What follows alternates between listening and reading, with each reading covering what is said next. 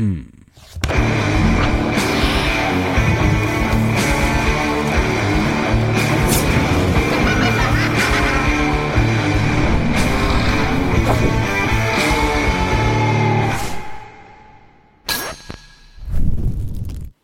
Zdravo Jasmila.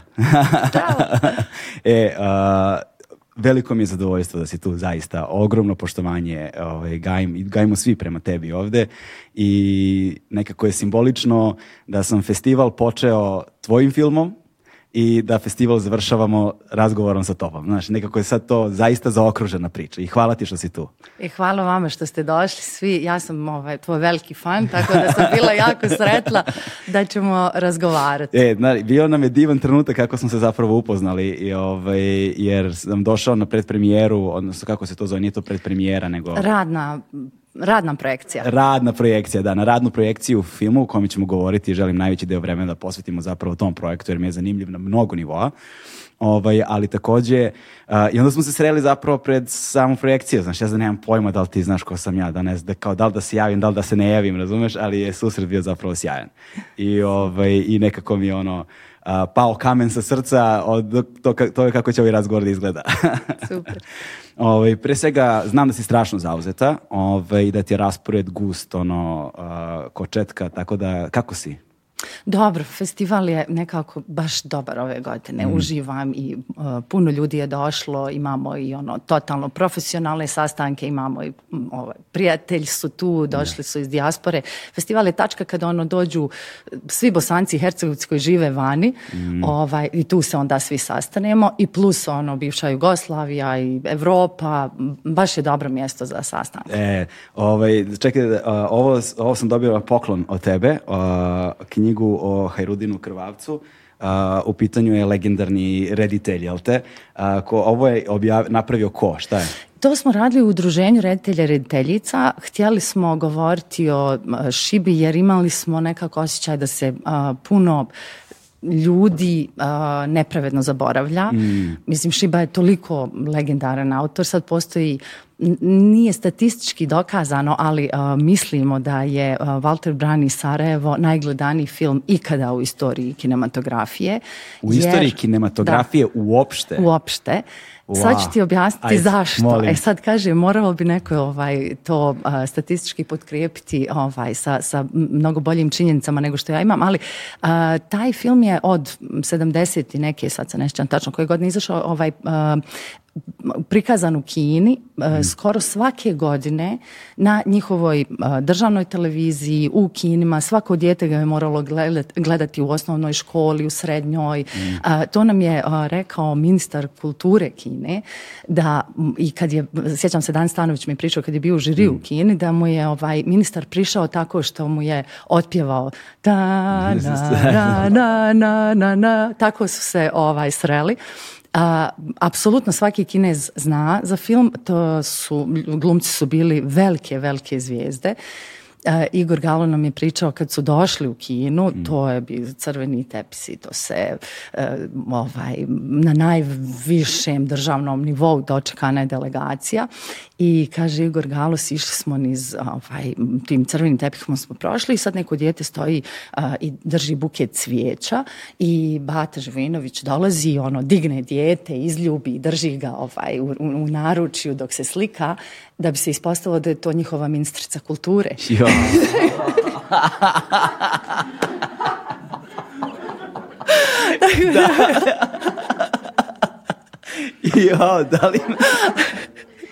Nemoguće. E, ovaj, Nemoguće. E sad, ako uzmeš sve te činjenice u obzir, koliko puta je film prikazan od 70-ih, da, ovaj, da i danas ljudi znaju da žele da rade neki remake ili ne znam mm. šta, ovaj, ne, nema drugog načina nego misliti o tome da je to najgledaniji film na svijetu. Pa da, čovječe znaš, op, jo, mislim, moram prvo da pređem, pređem preko, preko ovog podatka za, za ministarku kulture, ali, ali da, ima, znamo za snimke te čuvene Bate Živojinovića u Kini, to gde je ono s nekim, nekim nadrealno velikim skupovima, gde on ima centralnu poziciju i tako to. I ne znam koliko je to tačno, su internetom kružile one fotografije kao Walter Piva, ne znam, i tako dalje, u kineskoj prizvodnju. Možda su, da su stvarne ili nisu, nisam nikad proveravao zaista. Ne, oni su zaista ovaj, mm. potpuno bili ludi za, za tim filmom, jer je um, govori o borbi, o pobjedi, o mm. socijalizmu, o svemu ono što želi čuti. Da bi, na primjer, zanimljivo je da um, kad sam radila Grbavicu, um, mhm. jedan uh, distributer iz Kine je htio da kupi film da. i uh, rekli su mora proći cenzuru Aha, kao da. što i svaki film mora proći. A smiješno je što je distributer rekao da je on jedan mali, mali distributer u Kini. Ovaj, pitali su ga ovi moji iz World kao, pa dobro, koliko vi imate tu ovaj, gledalaca? Kao, pa samo 229 miliona. Da, Znaš, da, ono, to je jedan manji. Ovaj, i nismo prošli cenzur I sad sam se pitala zašto, jer nema u filmu ništa što bi bilo čudno a oni nisu željeli da um, pokažu film u kojem je Jugoslavija raspadnuta, u kojem se nacije uh, mm. bore. To, to, to je za njih ovaj tabu jer i oni imaju puno nacija, ali uopšte ono Jugoslavija je za njih nešto što je Ovaj, trebalo ostati. Mm, ideja građanskog rata u jednoj takvoj zemlji u sred Evrope je vjerojatno za njih jedna paradigma koja je potpuno neprihvatljiva. Ovaj, na kraju krajeva to nas negdje onako lagano uvodi u ono što nam je glavna tema razgovora ovdje. Ta paradigma je sada nezamisliva iz ovog ugla i nama. Znaš, ovaj, kad sam opet premi, ova, kako si rekla, opet zaboravio sam, eh, radna, projekcija, da, radna projekcija, da, radna projekcija ovaj, na kojoj smo se sreli, jel te, tvog novog filma, um, koja je također u produkciji The blokade, jel tako, A, koju radiš sa Amirom kao i obično, je zapravo dokumentarni film o Emeriku Blumu. Ovaj, ja moram da priznam da nekako nisam, nisam, nisam bio upućen u lik i delo Amerika Bluma, kao verujem i većina negde ono, mojih vršnjaka ovaj, i, iz Srbije. I ono što sam vidio u filmu je apsolutno fascinantno. Apsolutno fascinantno, ali fascinantno na mnogo nivoa. Ovaj, pa bih voleo da od tebe počne priča ko je zapravo bio Emerick Bloom i zašto dokumentarni film o Emeriku Bloomu. Pa vidi, čak i moja generacija, znači ja sam imala 17 godina kad je počeo rat. Ja sam znala za firmu koja se zvala Energoinvest, još uvijek se jedan ogranak tako zove, i znala sam za Amerika Bluma koji je bio i gradonačelnik Sarajeva. Dakle, on je bio direktor toga Energoinvesta koji je bio jedan veliki koncern, imao je raznoraznu proizvodnju, brojne fabrike, ne samo u, u cijeloj Jugoslaviji, nego uopšte, ne znam, ovaj, Meksiko, u Africi, u, svuda u, ovaj, I radili su puno, puno mm, stvari, od izgradnje dalekovoda, um, u filmu se spominje da su čak napravili svoj kompjuter 70-ih i tako dalje. E sad, um, mi smo onako počeli malo kopati oko tih ljudi koji su uh, bili, mm, koji su mijenjali društvo. Mhm. Zanimali su nas umjetnici i ljudi ovaj, iz javnog života koji su svojim radom mijenjali društvo i onda se pojavilo dosta materijala o Ameriku i svaki put kad bismo pričali sa nekim od njegovih saradnika, ostajali smo potpuno fascinirani. Znači, poslije svakog snimanja, ono, cijela ekipa, tu su isto puno, puno mladih ljudi, bi izlazili i govorili, e, mi smo se naduvali. Da. Samo što smo slušali ovo, jer je po, zaista je nevjerojatno kad mm. slušate kakvi su to bili uspjesi, kakvi se, kakav je to bio način razmišljanja. Čovjek koji je 54. godine osnovao osnovu 51. On je već bio pre, pretplaćen na 74 ovaj, strana časopisa u trenutku kad nema deviza za kupiti hljeb ili ono. Ovaj, jer je imao tu svijest koliko je znanje važno i koliko je važno da on ovaj, stvara inženjere, da stvara mm. stručne ljude, borio se za svakog čovjeka, ulagao je u, svakog čovjeka i to je nešto što je fascinantno što danas ne postoji. Mm, da. Bio je jedan utisak koji sam ja o njemu stekao, jeste utisak jednog veoma živopisnog, romanesknog karaktera sa svakako sumanutom životnom pričom o kojoj ćemo da, ćemo da govorimo, ovaj, ali nekoga je spoji dve osobine koje se danas veoma redko sreću. E, s jedne strane e, ima čvrstu, autoritativnu, ono, karakternu crtu, odlučan, ono, decidiran čovjek koji stoji za svojih odluka, e, koji ne posuste, kog ne možda pokolebaš, koji, ono, samopouzdanje, znači, one, baš ono, odlike vođa, velike odlike vođa, s jedne strane, a s druge strane, neko apsolutnih je apsolutni humanista Znaš, I čovjek kao, i takav humanista u jednom sistemu koji ne možemo nazvati baš potpuno socijalističkim jer ima jako puno kapitalističkih e, e, elemenata u njemu i sarađivo je sa, ono, kapitalizam je odigrao kako bih rekao, instrumentalizovanu ulogu. Dakle, iskoristio elemente kapitalizma za svoju ideju ali ne, ne prihvatajući njegove uzuse na sve moguće načine. I onda taj spoj je danas praktično nezamisliv, kao da uvedemo ideju milosrđa u kapitalizam. Ne znam kako drugačije da objasnim. Da, ono što je bilo zanimljivo je da je on, znači u tu jel, komunističku zemlju, doveo američku firmu i rekao hoću da mi napravite organizaciju posla kao da smo u Kaliforniji mm. i sav zahvaljujući takvoj organizaciji profit je počeo da raste, ali mm. razlika u tome što je taj profit išao radnicima. On kao direktor je zarađivao ono, ne znam, četiri puta više pare, ovaj, četiri puta veća bila plata nego plata portira. Ovaj, za sebe nije uzimao ništa. On je živio u normalnom stanu na, ono, na Koševu.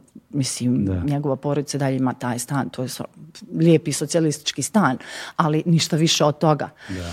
Um, a fascinantno je koliko je želio da taj Energoinvest gradi društvo. Mm. da nije tu samo da bi zarađivao, da bi ostvarivao određene uspjehe, njega su uzbuđivali uspjesi kad dođu do nekog novog izuma ili nešto tako, ali ono što je drugačije od ovog što danas poznajemo je što je njega zanimalo da, mm. da se društvo mijenja na bolje, da bude društvo znanja, društvo solidarnosti, humano društvo.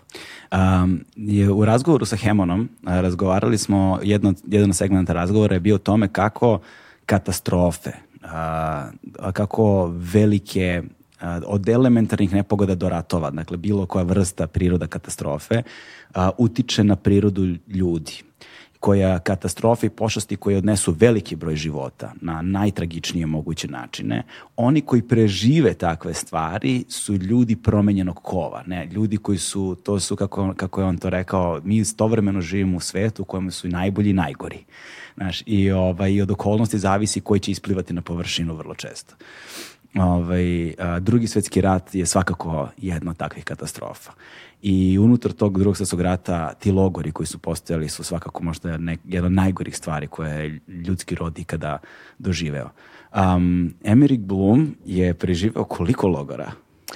Da, on je, išao iz logora u logor, rekli njegovu porodicu su pokupili svu mamu, tatu, sestru uh, i um, zadnji logor kojem je radio, mislim bio je tamo i još je uh, radio, održavao je struju jer zato ga nisu ubili, dok su ubili svu njegovu porodicu. Ovaj, u uh, Jasenovcu je bio i organizovao je da um, u jednom od tih obilazaka ovaj, da se popravi struja, uspjeli su pobjeći. nažalost, samo je on preživio taj bijeg. Ali uopšte taj koncept, jer on u filmu kaže ono svaka šansa ima izgleda za uspjeh.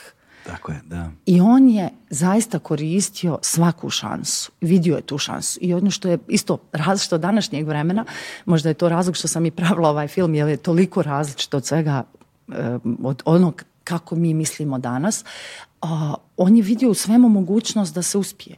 Mm, danas je ono što puno stvari koje pokušamo raditi, odmah nas Ka, to je nemoguće, pa ajde, ne živiš. Hiljadu puta sam čula rečenicu, ajde ti pričaš ko da živiš, ne znam, u Norveškoj.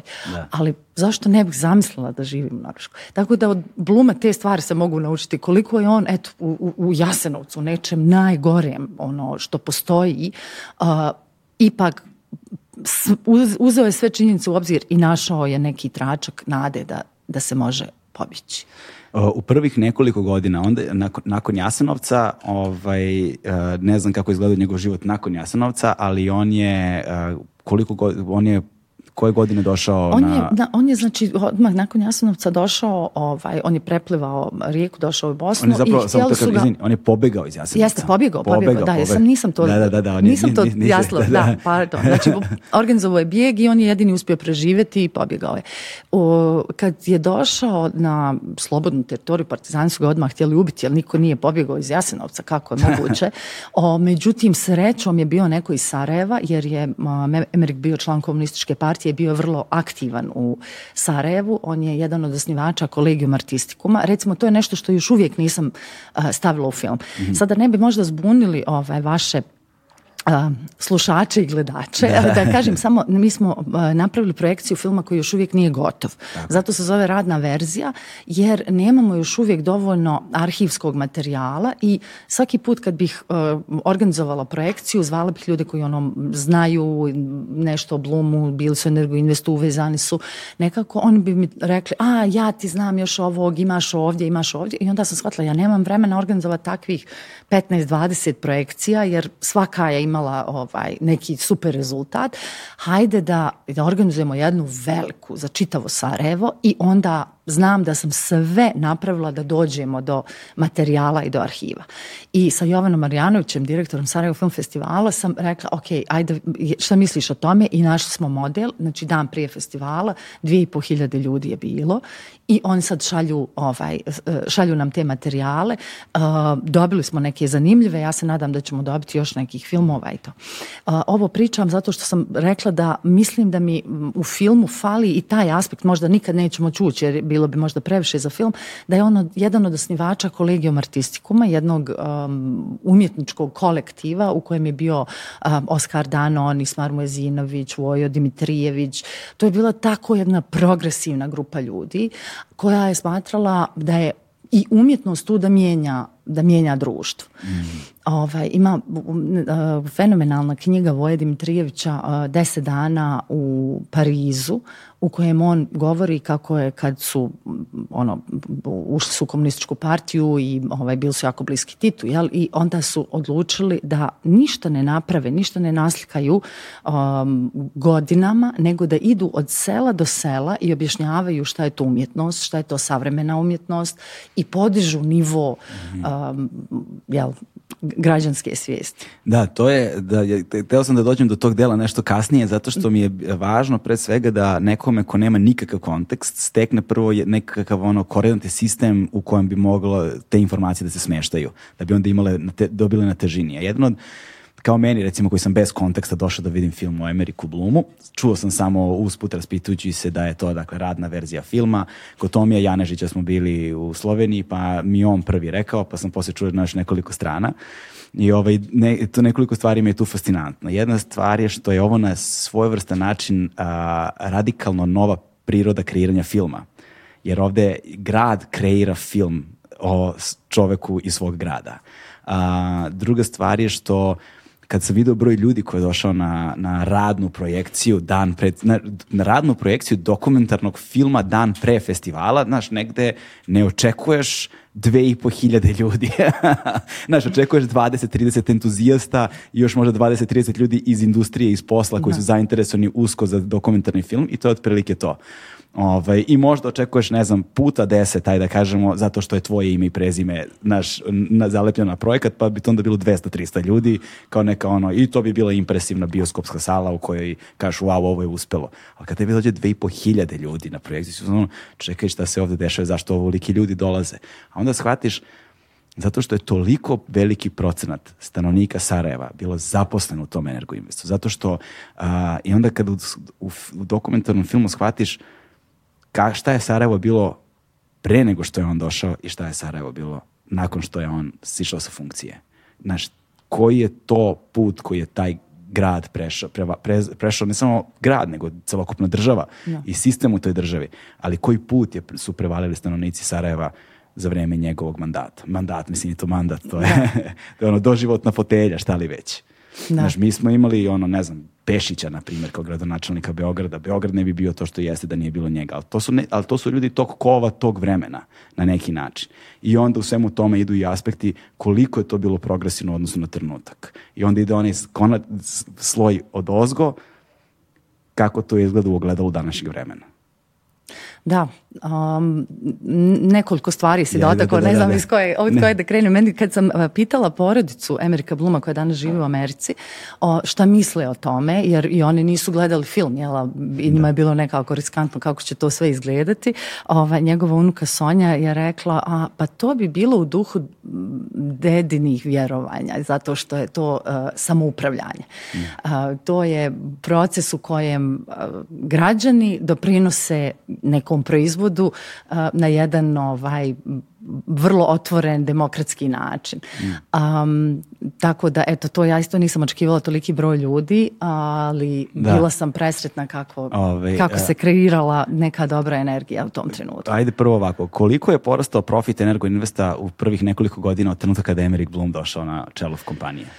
Pa ne znam sad koliko je tačno procentualno, ali ono, oni su krenuli ovaj, kao jedno malo preduzeće u jednoj baraki, a poslije su, na, na ovaj, poslije su imali, ne znam, 120 raznoraznih e, instituta, fabrika, oko skoro 60.000 zaposlenih je bilo pred rat, oni su potpisivali bilionske, ono, odnosno milijarde, jel, ovaj, um, prevodim sa engleskog, jer mi je to na engleskom bilion, milijarde ovaj, dolara ugovore.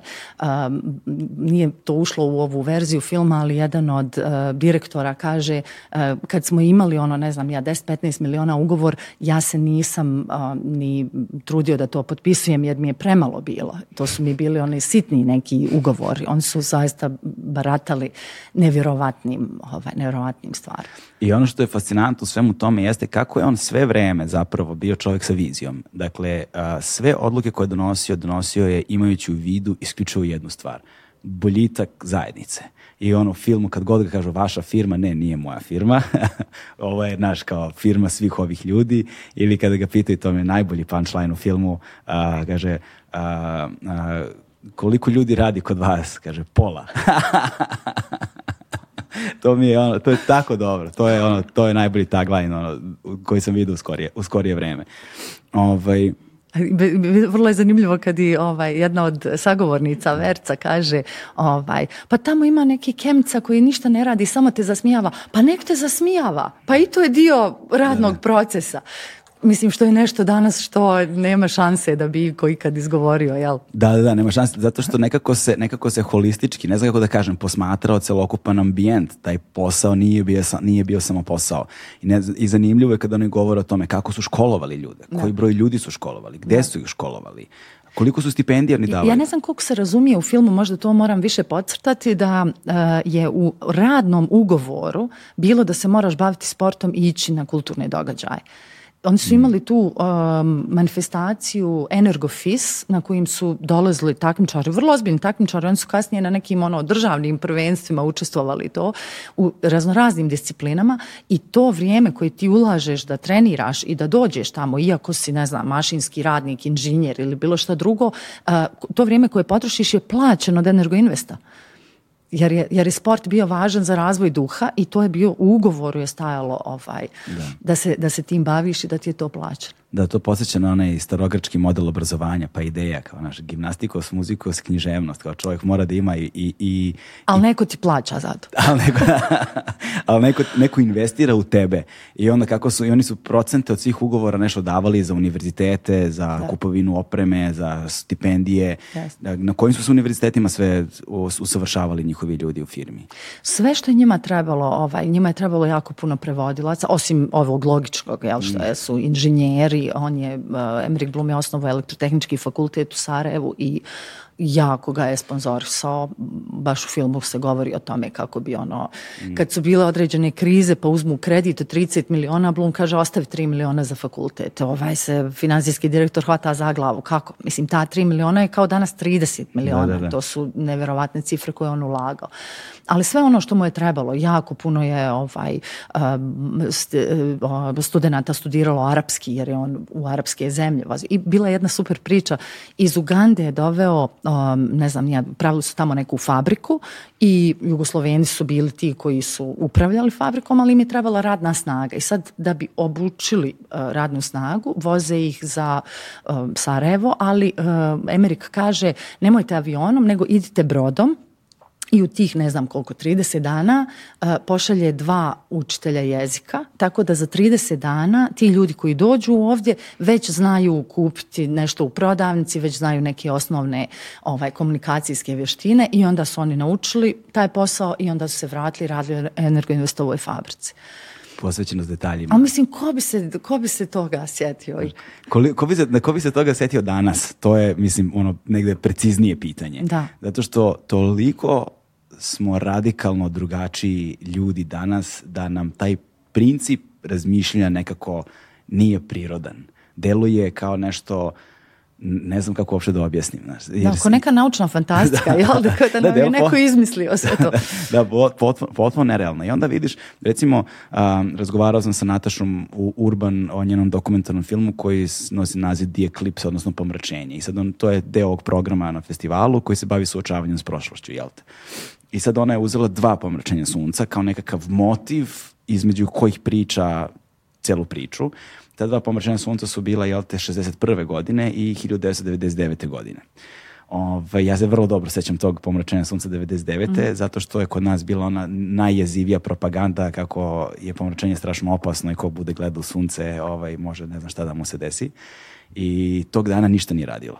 Banke nisu radile gradski prevoz radio. Ljudi su bežali kućama, spuštali roletne, zamračivali sobe, znači potpuno ispiranje mozga, a 61. godine su ljudi bili, ono, to se doživljavalo kao fešta, kao ono, proslava, kao jedna divna stvar gde su onda učili ljude kako da recimo parče stakla pa da šibicom zamrače pa da mogu kroz njih gledati u sunce i da, i da su se okupili na ulicama da to rade. Znači, wow, imaš, baš dobro.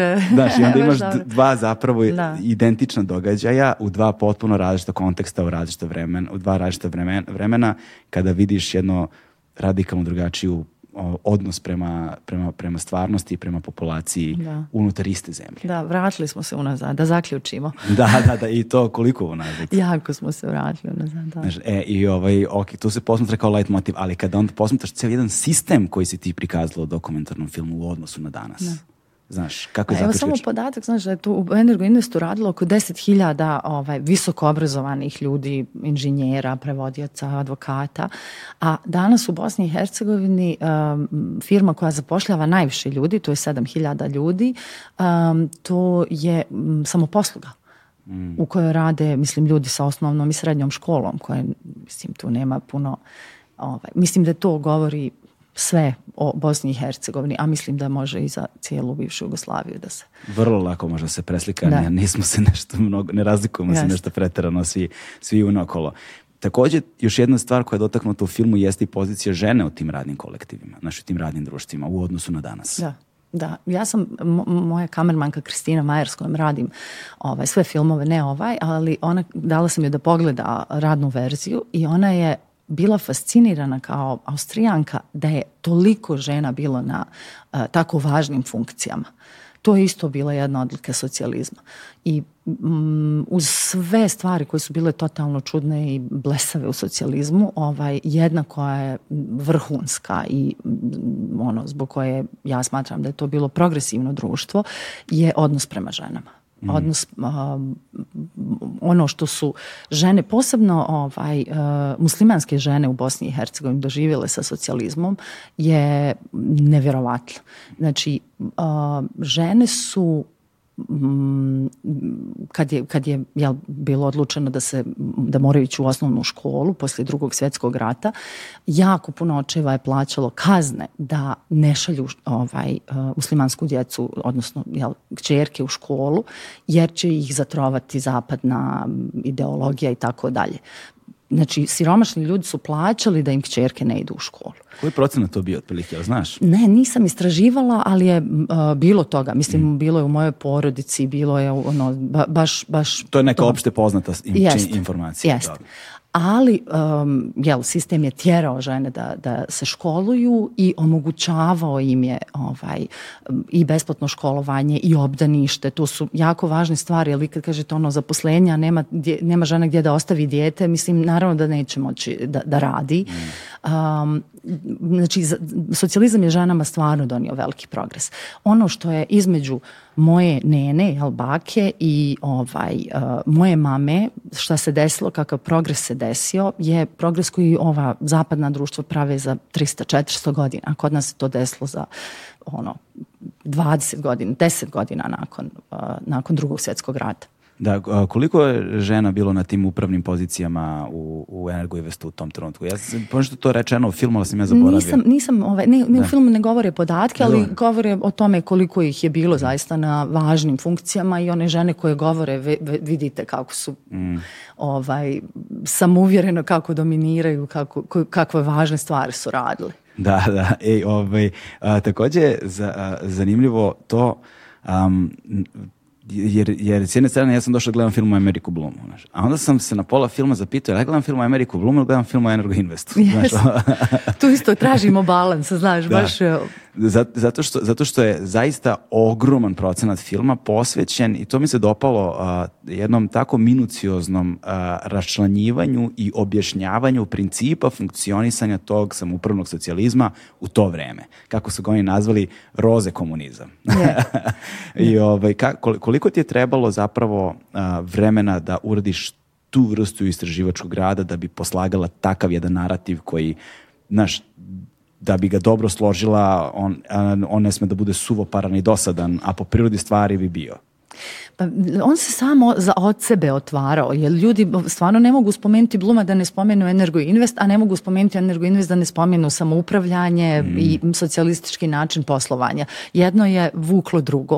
Um, ja još uvijek tražim balans u filmu ovaj, koliko je to Emerkova privatna priča, koliko možda više treba posvetiti pažnje ovaj, objašnjenju sistema, posebno za internacionalnu publiku. Jer e, ono što mislim da bi moglo biti zanimljivo ovaj, ovaj, um, ljudima i, na zapadu i svuda je što živimo u jednoj krizi kapitalizma i što se ljudi pitaju kakvi su novi načini rada i poslovanja, šta, da li postoji ikakva alternativa. Vrlo često čujem ovaj, da, ili pročitam kao možda bi sistem samoupravljanja imao smisla, ali to nigdje nije funkcionisalo, a ovaj film pokazuje da jeste mhm. funkcionisao. Energoinvest je bio izuzetno uspješna firma čak i posle smrti Amerika Blum. Ovaj, ljudi su bili toliko obrazovani na, na takvom nivou da su samo nastavili da um, razvijaju Energoinvest. Um, rat je ono što je zaustavio Energoinvest, zaista. Da, da, to jeste, ali doći, doći ćemo do toga. Ono što, što, mi, što me zanima također pre jeste... Um, taj, ta dinamika odnosa između američkih ono, savjetnika ili šta su oni već bili i samog ono, i njihovog susreta zapravo sa sistemom koji su došli da edukuju ili postave sistem.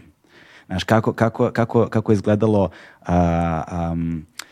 kako je izgledalo putovanje kroz saznavanje te priče. Kako se uopšte znaš, koliko ti je vremena trebalo doći do tih ljudi da ih snimiš? Gde si ih snimala uopšte? da, to je bilo zanimljivo jer smo mi uzeli arhiv ovaj, e, Bosne i Hercegovine i vidjeli smo da, jedan, da postoji nekoliko klipova iz nekog njemačkog filma. Jel, čuli smo da je njemački film, ali nije bila špica, nismo znali ko je radio taj film, gdje da tražimo, kako da dođemo do toga. I onda je, ovaj, pitali smo energoinvestovca, on su rekli, a bio je jedan Njemac, Cenkel, družio se sa ovim, onda smo našli tog čovjeka Vasu koji je ovaj, Sarajeva i on je rekao da snimao je za, ovaj, mislim, tu i tu firmu. I onda smo po cijeloj Njemačkoj tražili gdje je, jer je to neka TV štern koja više ne postoji, ali kako Njemci imaju uređen sistem, jel, na, našao se film. Ovaj, I um, tu smo, film? U, nekom njihovom rundfunktu, znaš, ono, ima neki, ovaj, neka televizija koja drži sve te arhive drugih televizija koje ne postoje. Ne, mi smo se čuli s njima, oni su rekli da potvrđuju da imaju taj kompletan film. Ja sam imala samo par klipova. Aha. I onda su nam poslali to i tu smo našli ovaj... Aha, čekaj, oni imaju to digitalizovano, pa su onda i to se uploadovali i poslali, da, da. I, ovaj, da, da, da. I onda smo vidjeli da je čovjek iz McKenzie da se zove Charles Shaw i da živi, onda smo došli preko energoinvestovaca da on živi u Njujorku, našli smo ga u Njujorku i onda smo snimali, ovaj, otišli smo do Njujorka da ga snimimo. Uh, to je čovjek znači, koji je 69. došao ispred ovaj, McKenzija, firme koja i dan danas postoji, koja je ono vrhunska firma za organizaciju. Recimo Merkelca je angažovala tu firmu da eh, kažu na koji način trebaju prihvatiti izbjeglice. Kad im je došlo 800.000 mm. izbjeglica, to je firma koja je rekla tu, ok, punktove ćemo praviti ovdje, ovdje ćemo izbjeglice i znači u Njemačkoj niko nije spavao na ulici, ni, ni jedan jedini dan. Svi su odmah smješteni i to savršeno funkcioniš. E, to je ta firma. I Emrik je nju angažovao da bi, da bi mu rekli, vidio je da se uh, širi, ali da ne štima sve kako treba. I Amerikanci su došli i prva stvar koju su rekli je ovaj, e, vi pojma nemate koliko vam određeni proizvod košta jer nije bilo budžetiranja, planova i tako dalje. Mislim, Emerik inženjer, ali i, i, moje svijest i viziju, ali oni su bili zaprepašteni da se ne zna koliko, koliko nešto treba da košta. Da, se uopšte... E, e, ovaj, koliko košta sirovine, na primjer. Ne, ono, znaš, znaju koliko košta sirovina, ali nekako nikako ne izračunaju koliko je proizvod, koliko trebaju da proizvedu, da li plasiraju na tržište. Tu je bio neki, ono, neki haos. Da, da. I o, rekli su u Blumu moraš potpuno reorganizovati i ne možeš voditi sve kompanije, ne možeš imati neki 49 kontakata, ti moraš sve svoje kontakte na devet, a sve ostalo moraš prepustiti ljudima da rade bez tebe i on se malo plašio jel, kako će sad izgledati ta sva organizacija, a plus što je kapitalistička firma dolazi u komunističku Jugoslaviju, socijalističku, da organizuje, znači organizovati neku firmu, znači uzeti svaki papir iz te firme i izanaliz, izanalizirati ga. Znaš, ono, kao Amerikanci sad tu sjede s vama. Sad postoji kao ideološki sukob. Ono, da, to je bilo totalno čudno. Za, za, sve je bilo čudno. Nisu znali kako, kako da se postave prema tome. I onda je Blum pristao na to da eh, mu Amerikanci kažu šta treba da radi. Oni su rekli neke firme da se mora ih se jer nemaju nikakvog smisla, šta treba dalje da se unapređuje i na koji način. Taj način je bio najvažniji. To je ono što mi danas zovemo menadžmentom. Znači, mm. to je u to doba bilo nešto što je bilo novo. I mislim da ja kad sam pitala ovog šoa, pa kako je on znao sad da postoji neki McKenzie, ono, mislim, stvarno nevjerojatno. Kaže, on je jako dobro pratio šta radi Siemens, šta rade te velike kompanije i ovaj, učio od njih, slijedio ih i odmah je primjenjivo. Nije čekao sekunde da primjeni stvari. Kako je, kakva je reakcija bila kada ste priput put kontaktirali ljude iz McKinsey-a kako se... Pa svi su jedva čekali da pričaju. Zaista? Da. Ja stvarno ne znam ovaj, da su... postoji čovjek koji, o kojem toliko lijepo svi pričaju. Baš meni je za film bitno da ima malo ovaj, nijansi i mm. ja sam jedva čekala da neko kaže nešto što je možda malo i drugačije. Negativno. Ovaj, da, vidi malo, da se zakuha u filmu. Da, da, Ali to čovjek koji su toliko cijenili i obožavali, izgleda je bio neko divno ljudsko biće, pa stvarno su ga svi voljeli. Pa da, znaš, posebno kada ima, ima, ima tih teških trenutaka u filmu, na primjer, u baš intervjuima sa Amerikom Blumom, znaš, pa kada on kaže, kada prepričava to jedno iskustvo onom dečaku kojeg je vide u, ja, u Jasenovcu, tako, a, to su transformativna iskustva. To su, ja na, zaista ne mogu da zamislim scenariju u kojem je neko svedok tako nečega i da ga to ne promeni u životu.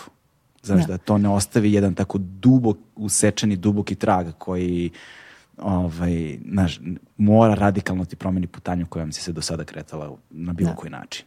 Pa neki tvrde da je ta njegova hrabrost došla od toga što je on zapravo vidio sve, da je toliko, ta, tako strašne stvari vidio. Ta scena u kojoj spominješ, znači taj neki Ustoša Matković je dijete pred Emerikovim očima ovaj, zalijepio na zidi, djetetova glava se rasprsla i to je to je tako emotivno, Blum govori o tome, naravno da ga je to promijenilo, ali neki smatraju, znači nije ga povuklo u neku mm, traumu depresivnu, nego ga je vuklo da mijenja društvo, da se više tako nikad ništa ne desi. Da, ima taj, ovaj, eh, tih nekoliko elemenata u psihologiji, eh, kao kako ljudi reaguju na te vrste trauma, znači ima to neko zaključavanje, de, povlačenje, depresija, besa, ima i tih hipomaničnih tipova koji ovaj, ulaze u, u, u, u hiperprodukciju i u konstantnu proizvodnju i znaš, možda je to bio neki ono, način, neki mehanizam da se, ne znam, ono,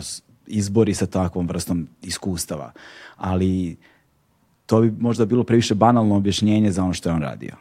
Pa da, i, zato što je on i prije rata imao, e. bio je vrlo aktivan, studirao je u Pragu, u Beču, gdje je zbog svojih političkih stavova bio i protjerivan i zatvaran, ali ništa ga nije spriječilo, da, i vraćao se i sve, ovaj, i završio je te fakultete, onaj, mm. nekako ništa ga nije moglo spriječiti. koliko se razlikovalo Sarajevo od trenutka kad je on došao i trenutka kada je on završio funkciju? funkciju?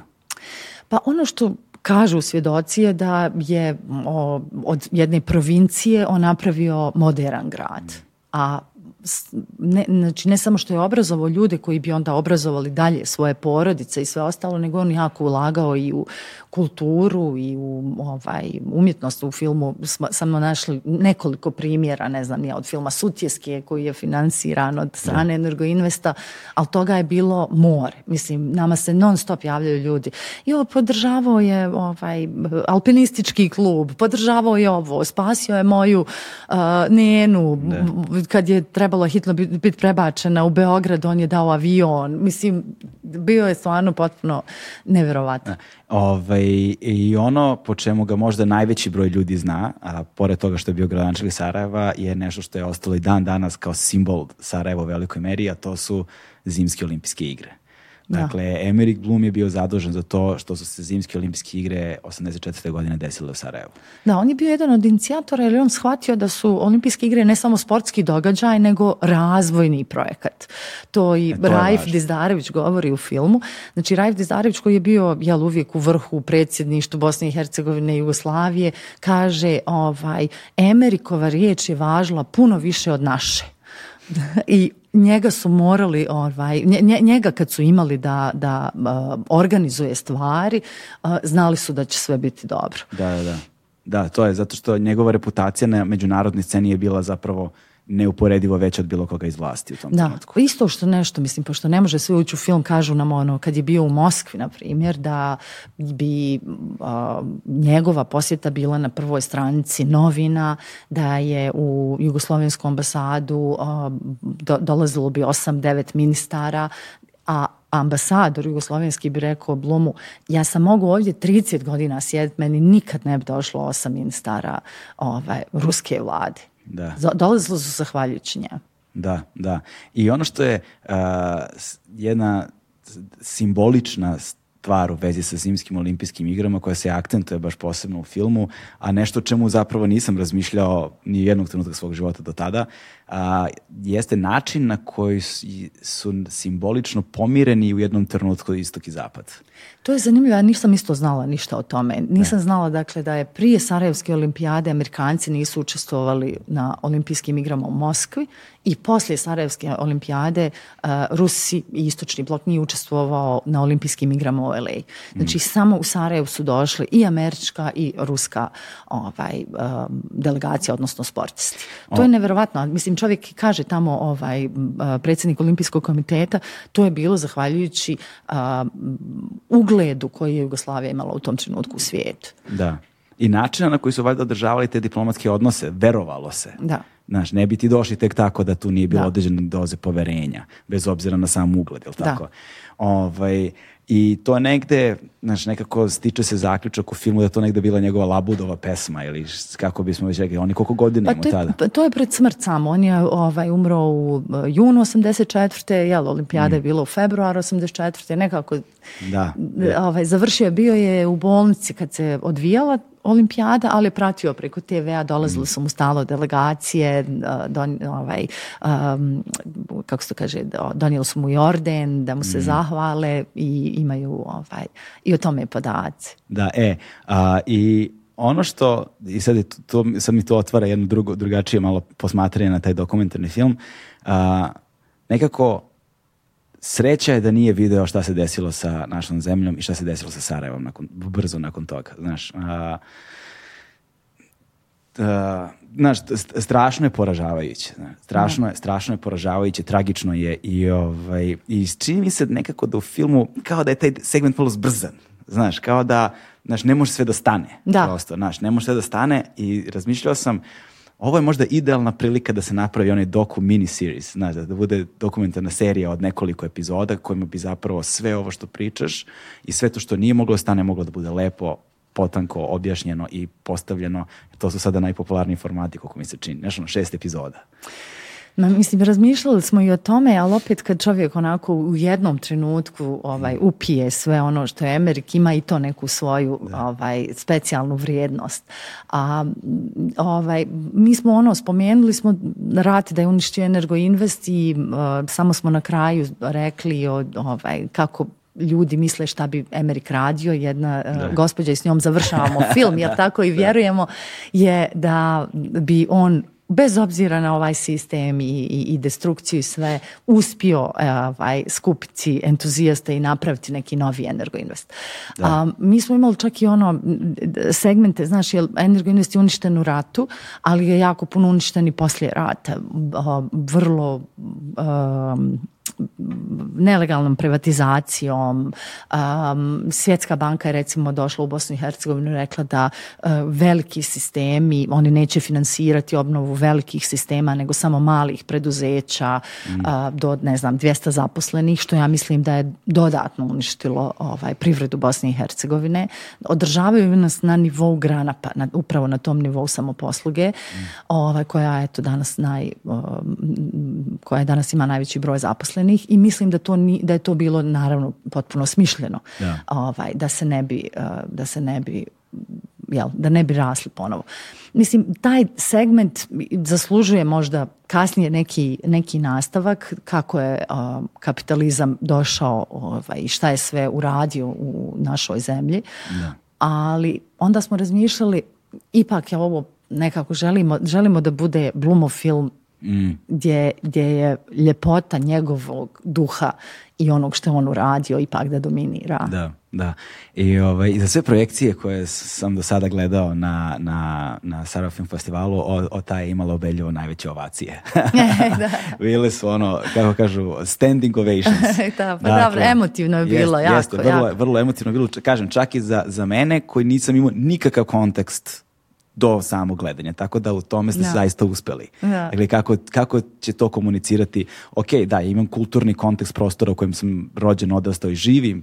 Pitanje je kako će to komunicirati sa publikom koja dolazi iz potpuno drugačijeg registra, koja nikada nije imala socijalizam kao iskustvo u svom narodu, ali za nekoga ko nema kontekst Amerika Bluma, funkcionisalo je jako dobro. Ja, sam, pridružio sam se masi, znaš. Ovaj, i sad me zanima, i ono što me baš zanimalo ovaj, jeste da li će se javiti ljudi, koliko ljudi će se javiti, sa čim kojim pričama će se javiti, a evo prošlo je sada koliko, sedam dana otprilike? Javljaju se, da, imamo dosta ovaj, e, e-mailova, ono, nekih stotinu, koji govore, o, spominju neka imena za, za koje smatraju da treba s njima da komuniciramo, mhm. neka imena se ponavljaju, što je dobro, znači više ljudi to vjeruje. dobili smo fotografije, sad ćemo ići na, jel, skenirati fotografije za film, a, nešto smo malo filmskog materijala dobili, dobili najviše od porodice. To isto idemo da digitalizujemo jer je ovaj, 8 eh, mm. Ono malo što sam vidjela nismo htjeli puno traku da eh, trošimo, jel, jel je u, ono, niko je nije dotakao jel, koliko, 30 godina sigurno. Ovaj, eh, Blum je sa princeza ili kraljica Japana moramo, moramo tačno utvrditi, ali uglavnom kraljevska porodica je tu i ono onako s cigarom koju nikad nije gasio. Znači na toj ceremoniji oni da je drži cigaru i ono pozdravlja se sa svima. Tako da bi to bilo zanimljivo uključiti u film jer je ovaj, onako, neke su druge boje, neke druge, neki drugi pejzaž su tu. Koliko je posla tu zapravo? To deluje kao strahovito ambiciozan projekat i logistički. Koliko ljudi mora da prolazi kroz te arhive, da digitalizuje i to sve? Imaš neke asistente? Pa dobro, imamo neki tim od pet ljudi koji radi različite i administrativne stvari i ove mm.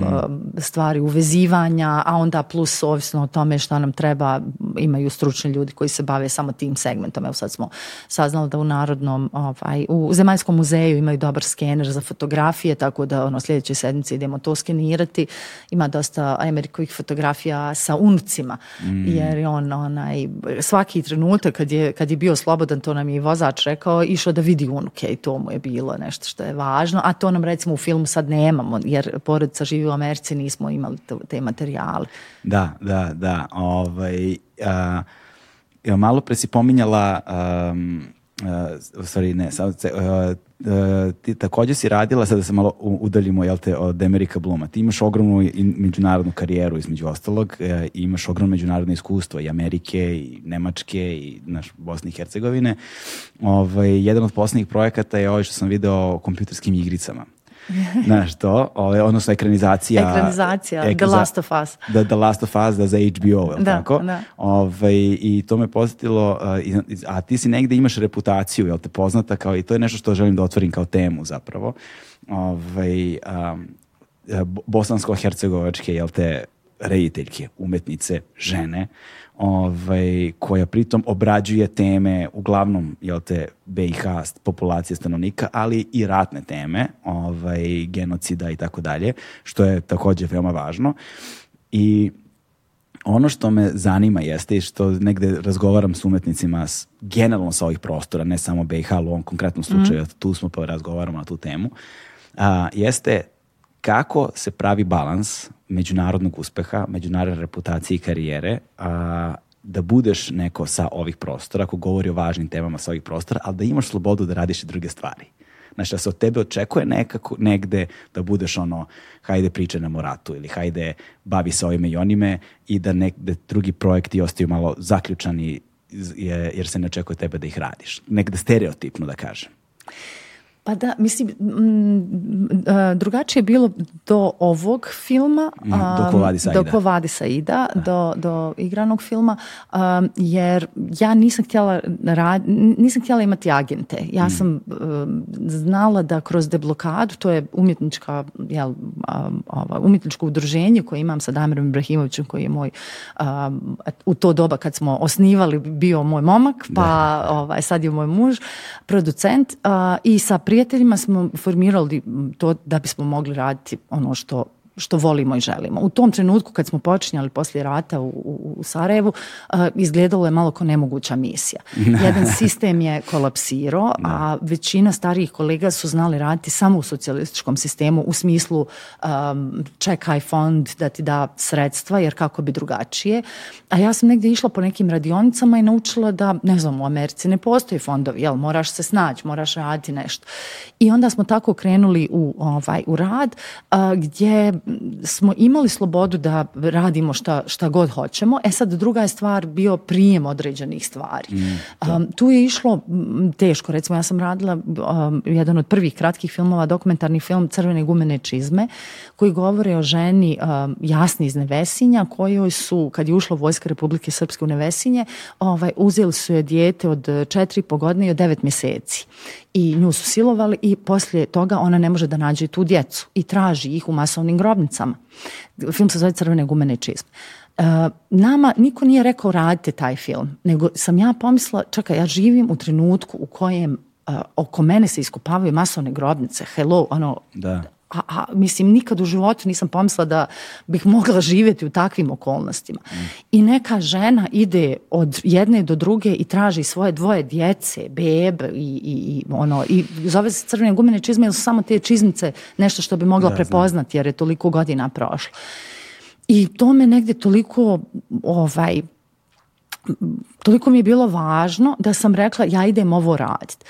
Eh, otišli smo na TV BiH gdje imaju 16 mm ovaj, eh, kamere, stoje im u podrumu i u tom trenutku je nama urednik rekao nemoj se ovaj zašto se bavite prošlošću mislim čovjek ono jel bošnjak postavljen tu kao direktor ovaj i urednik eh, zašto se bavite prošlošću šta će vam to i na dan kad nam stiže traka iz Austrije ovaj on nam ukine kameru Uje i ja sam u totalnoj panici bila i zovem sad tu moju ovaj, prijateljicu u Austriji, daj molim te možemo li kako na autobus da im stavi kameru, kaže ona mogu na autobus, moram ja doći s tim, ona dođe, posudi od svoje akademije, dođe ovaj, u Sarajevo, da nam kameru i tako smo snimali. Hoće kažem, stalno je bilo neki ljudi koji su mislili da takve filmove ne treba praviti, mhm. a ja sam mislila da se takvi filmovi moraju praviti, da je to nešto što, o, o čemu moramo govoriti, da nam se nikad više ne bi desilo. Tako je. I um, kažem, u tom periodu sam bila toliko ubiđena da moramo raditi takve stvari da mi nisu trebali agenti, imala sam i malo dijete, nisam htjela nigdje drugo da, da selim, da radim. Ali onda poslije pandemije i poslije Kovadisa ide, sam rekla čakaj, a sad opet zamislim sebe kako pišem neki scenarij 3-4 godine, jer obično je to ritam dok istražim nešto, dok eh, se skupe pare, dok se sve to desi, kako ću ovo, ono, znaš, tri godine sama opet u, ovaj, mislim, sa Damirom sam, ali ono, kad pišeš ipak si sam. Ovaj, I onda sam rekla, ajde da se otvorim i da vidim da li ću dobiti neke scenarije od, mhm. od drugih ljudi. I Amerikanci nemaju taj kod ako si radio, um, ne znam, ratni film da trebaš da radiš ratni. Mislim, dobijam i takve ponude, da. ali dobijam i nešto totalno drugačije. Dobijam naučnu fantastiku, koja je isto mm. vrlo zanimljiva. Ja nisam uopšte fan neke naučne fantastike, ali, mi, ali vidim neke stvari koje bi mogle biti moje. Da, da, da. da. Ovaj, I ono kad čitam, znaš, kad me pitaju hoćeš li, ne znam, više drame ili ovo, kažem sve mi šaljite, horor, bilo šta, mhm. zato što u svakome, ono, ako te duša tog scenarija uzme, ti možeš možeš se identificirati, možeš naći nešto svoje. Da, da, da. I kad su mi poslali ovaj um, The Last of Us koji treba da bude rađen prema videoigrci, em ja nisam gamerca, em ne, mislim stvarno totalno nemam ovaj, ništa s tim. Međutim, Craig Mason je um, kreator uh, Černobilja, da. koji je meni bio izvrstan, a producentica je um, producirala ovaj, uh, Game of Thrones koji sam ja isto ono, totalni sam fan. I e, onda kao, e, ipak i voliš malo fantazije. Pa da, ovo mi je nešto bilo jako dobro u, u drami, u drami toga, uh, te serije i onda kao, ajde probam, ajde probam nešto što stvarno nema veze sa mnom, ali na kraju opet nađeš nešto što je, što je tvoje. I nisam se osjećala kao da sam um, kao da radim neku tezgu ili bilo šta, nego sam, bez obzira što je to sve gregova ideja gdje sam ja imala gotov scenarij, ovaj, mhm. imala sam osjećaj da utičem na neke stvari gdje, gdje, su, su više moje nego, nego ovaj, da, da, što je bilo predviđeno. A koliko recimo teško bilo prodati Otok ljubavi? E, Otok ljubavi je bilo nešto što je bilo šok za sve. to. I to je komedija ovaj, o trouglu, da, da. trouglu ljubavnom a, to je, e sad, ja ne, ne, znam da li, to, da li to ljudima nije bilo dovoljno smiješno ili je to zato što nisu očekivali od mene mm. ovaj, tako nešto, ali neki distributeri su nam rekli, pa ono, kako sada jasno koja je radila to, to, to i to da sad promovišemo kao neko koja je radio komediju. E, ali pa to, su rekli, e, to su rekli u Europi, međutim Amerikanci su drugačiji. Amerikanci su skroz otvoreni, ono, u, u Europi je vrlo ovaj puno je nekih, kako bi rekla, ladica i predrasuda u koje mm. ste stavljaju. Da, da, da. I kako ste se uspeli da prebrodite ili ste ono, bili ograničeni ipak negde na kraju sa evropskom? Ne, mi, smo, mi smo uradili ono što smo mi željeli što se tiče mhm. ovaj, sredstava, uradili smo ono što smo htjeli, ali recimo nismo imali distribuciju ni blizu koliko su ostali filmovi imali. Mm, da, da. I kaže, to se sad sve sa Vadis Aida promenilo. Pa sa Kvovadis ja sam odlučila, kažem, da imam agente, sa agentima A. se puno stvari mijenja. Mislim, to su stvarno igrači koji otvaraju mnoga vrata koja ja individualno ne bih mogla otvoriti. Mm, da. Tu se sve mijenja. E, sad ko vadi sajd. Znaš, ne, možem, ne mogu da sedim sa, tolom, sa stoloma da ne prođemo prosto kroz, taj film. Gledao sam ga ponovo skoro ovaj, i to zajedno sa Borisom i, i Jasnom ovaj, a, sedeli smo i, gledali i nekako naš, na svako novo gledanje ti zapravo dobijaš jedan novi sloj nečega, iako je hiperrealizam u suštini u pitanju. Ali kao malo pre što si govorila za, za, za, za ove crvene e, čizmice, a, e, verovatno postoji taj isti inicijalni trenutak u kojem ne mogu da ne ispričam ovu priču, živim stvarnost u kojoj je ovo stvarnost. Ovaj, a negde u procesu ono nekog budućeg pomirenja ovaj, mi za, ja, zaista s tom prošlošću moramo da se suočimo, to je neminovno. Ovaj, I evo, taj film i dan danas nije prikazan u Srbiji, čini mi se nigde, al tako? U Novom Sadu je prikazan i, da, u, e, i u Novom Pazaru. E, to nisam znao. Moraš da, biti novi da prikažeš film. novi Sad, novi Da, da, možda onda bude Novi Beograd, da? ajde, ajde. ajde da vidimo, ajde da vidimo i to ovaj, um, uh, u kom trenutku tačno se rađa u tebi ideja ovo, že, ovu priču želim da ispričam?